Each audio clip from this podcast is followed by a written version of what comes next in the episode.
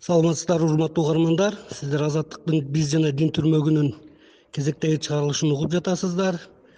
Бүгүнкү коногубуз дин таануучу алмамбет осмон уулу берүүнү мен канатбек мырзахалилов алып барамын. Биз жана дин. Кыргыз коомунда айрым кишилер аялдардын эч нерсеге укугу жок толугу менен эркектерден көз каранды жеке оюн билдире албаган үй жумушунан тышкары башка иш менен алектенбеген адамдардай элестетишип аянычтуу карашат. Мындай стереотип менен көз караш эмненин негизинде жаралып калды деп ойлойсуз? Кыргыз элибизде негизи аял зат асыл зат катары бааланып келген.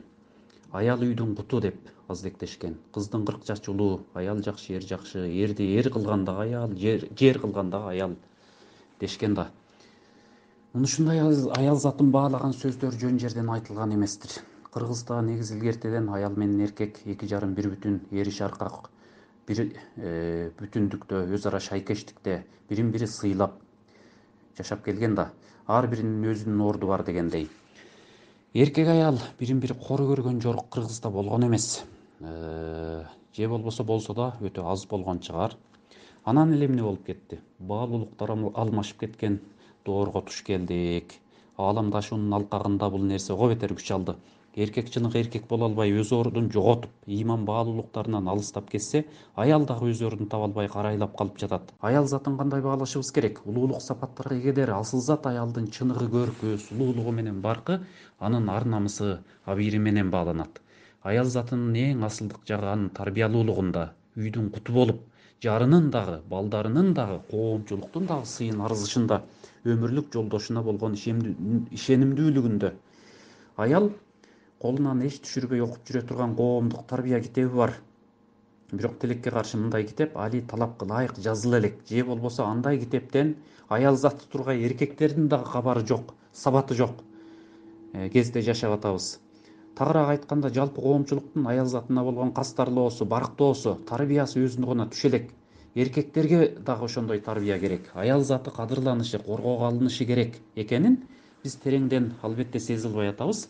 Илимдүү билимдүү алланын акыйкат жолун тапкан келечек муундар аял затын абдан аздектеринен үмүт кылабыз. Тарыхка кайрылсак кээ бир коомдордо аял заты адилетсиздикке туш болгонун көрөбүз. Бүгүнкү ааламдашкан жыйырма биринчи кылымда деле аял укугу боюнча айрым маселелер чечилбей келүүдө. Күндөлүк турмушта деле аялдарга карата зордук зомбулук сый урматсыз мамиле уланууда ушул өңүттөн алганда исламдагы аял затынын орду укук милдеттери кандай каралган? Аял заты адамзат мектебинин алгачкы мугалими десек да болот. Анткени аял заты балдардын э, үй бүлөдөгү балдарынын таалим тарбиясына түздөн түз таасир эте алат. Үйдөгү бейпил өмүрдүн уюткусу да аял заты.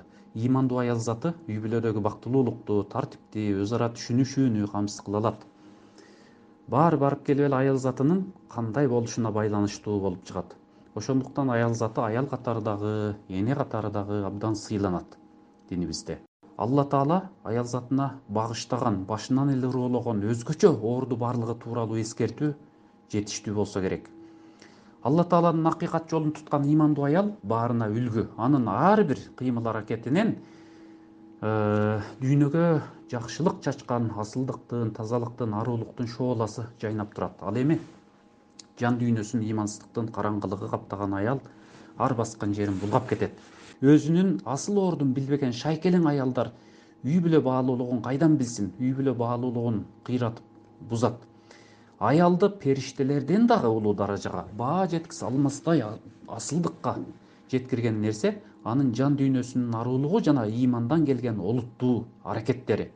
Арсыз аялдардын начар чөйрөсүнөн жакшы үй бүлө жакшы перзент тарбияланып чыгышын күтүү мүмкүн эмес. Аялды сыйлоо урматтоо алардын укуктары эркектер менен бирдей экендиги тууралуу куран аяттары менен хадистер көп алардын айрымдарына токтоло кетсеңиз. Пайгамбарыбыздын саллаллаху алейхи вассалам э, доорунда кээ бир аялдар пайгамбарыбызга кирип келип аял заты дагы эркектер сыяктуу эле куранда айтылабы деп сурашкан кезде пайгамбарыбыз аларга аксап сүрөсүнүн отуз бешинчи аятын окуп берген.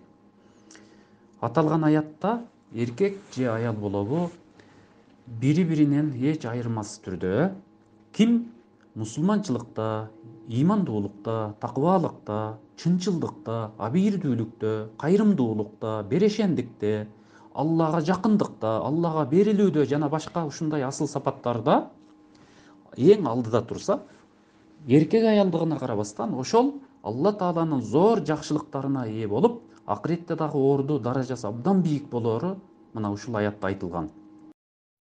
Демек жынысына карабастан кудай тааланын алдында баары бирдей. А болгону адам катары ким ыймандык моралдык асыл сапаттарга эгедер болсо ошол мактоого татыйт деген сөз да илгерки даанышмандар аялдын колундагы ийне эр азаматтын колундагы найзага тете деп айтышкан экен. Чындыгында бул сөз абдан жөндүү айтылган. Анткени абийирдүү тарбиялуу үй бүлөсүн аздектеген аял тутунган үй аялдын майда барат нерседен тартып баарына көңүл бурган түйшүгүнөн улам бейиш бакчалары сыяктуу абалга келет. Пайгамбарыбыздын саллаллаху алейхи вассалам хадистеринде аял затынын эркектер сыяктуу эле орду баса белгиленип айтылган хадистер көп. Мисалы үчүн бир экини эле айталы пайгамбарыбыздан азырет айша энебиз баяндап берет пайгамбарыбыз мындай деген чындыгында аялдар эркектердин тең жарымы дейт демек аял заты жок жерде эркек жарым эркектин иш чала эркектин орду начар деген сөз. Ал тургай пайгамбарыбыз саллаллаху алейхи вассалам айтып атпайбы аял затын асыл адамдар гана баалап сыйлайт пас адамдар гана кор көрөт деп демек аял затты кор көрүп укуктарын тебелеп жаткандар адамдык атка өтө деле татыктуу эмес пас кишилер болот тура биз жана дин. Имамдар үй бүлөдөгү зордук зомбулукту токтотуу боюнча түшүндүрүү иштерин жүргүзүп жатат. Сиздин практикаңызда диний кызматкерлерге аялдар кандай маселелер боюнча көп кайрылышат?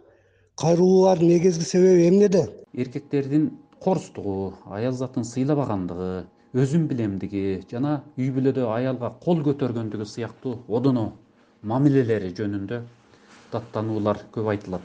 Мына ушундай маселелерди айтып келген аялдар көп. Өзү түзүк эркек боло албай туруп балдарынын апасы адал никелеп алган ак никелүү жубайына өмүрлүк жарына кол көтөрүп сабаганы Э, бул кандай деген айбанчылык дебеске аргаң жок кыскасы азыркы коомчулукта ыймандуулук тарбиялуулук дагы эле кем болуп атат? Айрым адамдар айтып атпайбы эл ыйман жолуна келди мечиттерге жаштар батпай калды деп. Мындай бапыраганыбыз менен сан бар сапат жок сан бар сапат жок дегендей азыр кыргыз коомчулугуна мусулманчылыктын чыныгы сапаттары толук сиңе элек руханиятыбыз толук өсүп өнүгө элек ушундай бир заманда жашап атабыз. Эми көч бара бара түзөлөт дегендей үмүтсүз шайтан дейт эмеспи уучубуз кур эмес ыйман жолунда жасалып жаткан абдан жакшы нерселер деле көп. Ага көз жумсак болбойт. Акырындап жарык келечекке тарбиялуу асыл асыл муундардын заманына карай баратабыз десек болот. Диндар аялдар менен тыгыз иштешип аларга жарандык диний укуктарын түрдүү радикалдык маанайдагы топтордун катарына азгырылып кетүүсүнүн алдын алуу үчүн мамлекеттик органдар муфтият системасы эмне кылуу керек? Сиздин сунуштарыңыз барбы биринчиден мамлекеттик органдар болобу же муфтият болобу тиешелүү орундар кыскасы деги эле жалпы коомчулук аял затынын учурдагы көйгөйлөрүн чечүүгө айрыкча кам көрүшү керек. Тарбиялуулукка илим билим жагына колдон келген аргаларды э, жасаган зарыл болуп турат. Себеби мейли аял затынын укуктары бузулган жагыбы же радикал агымдарга тартылып кетип жаткан тарабы болобу мунун түпкү себебине үңүлсөк эң башкысы э, жоопкерчиликти туура багытка салуунун жоктугу ошондой ар түрдүү органдар тиешелүү тараптар тарабынан. Анан ислам ыйман жаатындагы чала сабаттуулукка барып такалат. Чындыгында динибизде аялдын орду бийик. Аял заттын эң башкы баалуулугу өз табиятын аруу жана ыйык сакташышында жатат. ыйык сакташында жатат. Шум напсинин жетегине түшүп адашкан жолго азгырылып кеткен аялдарды көрсөң аялдын акылы кыска дегендердин сөздөрүн жөндүүбү деп ойлоп каласың. Бирок илгери андай дегендер бүгүнкү күндө аялдардын оюнчукка жарнама куралына айланып калгандыгын көрө турган болсо эгерде илгерки ошондо айткандарчы эмне дешти да билбей оозун ачып калмакпы дейм. Аял эркек дебестен ар бирибизде олуттуу жоопкерчилик бар экенин унутпасак. Биз жана дин.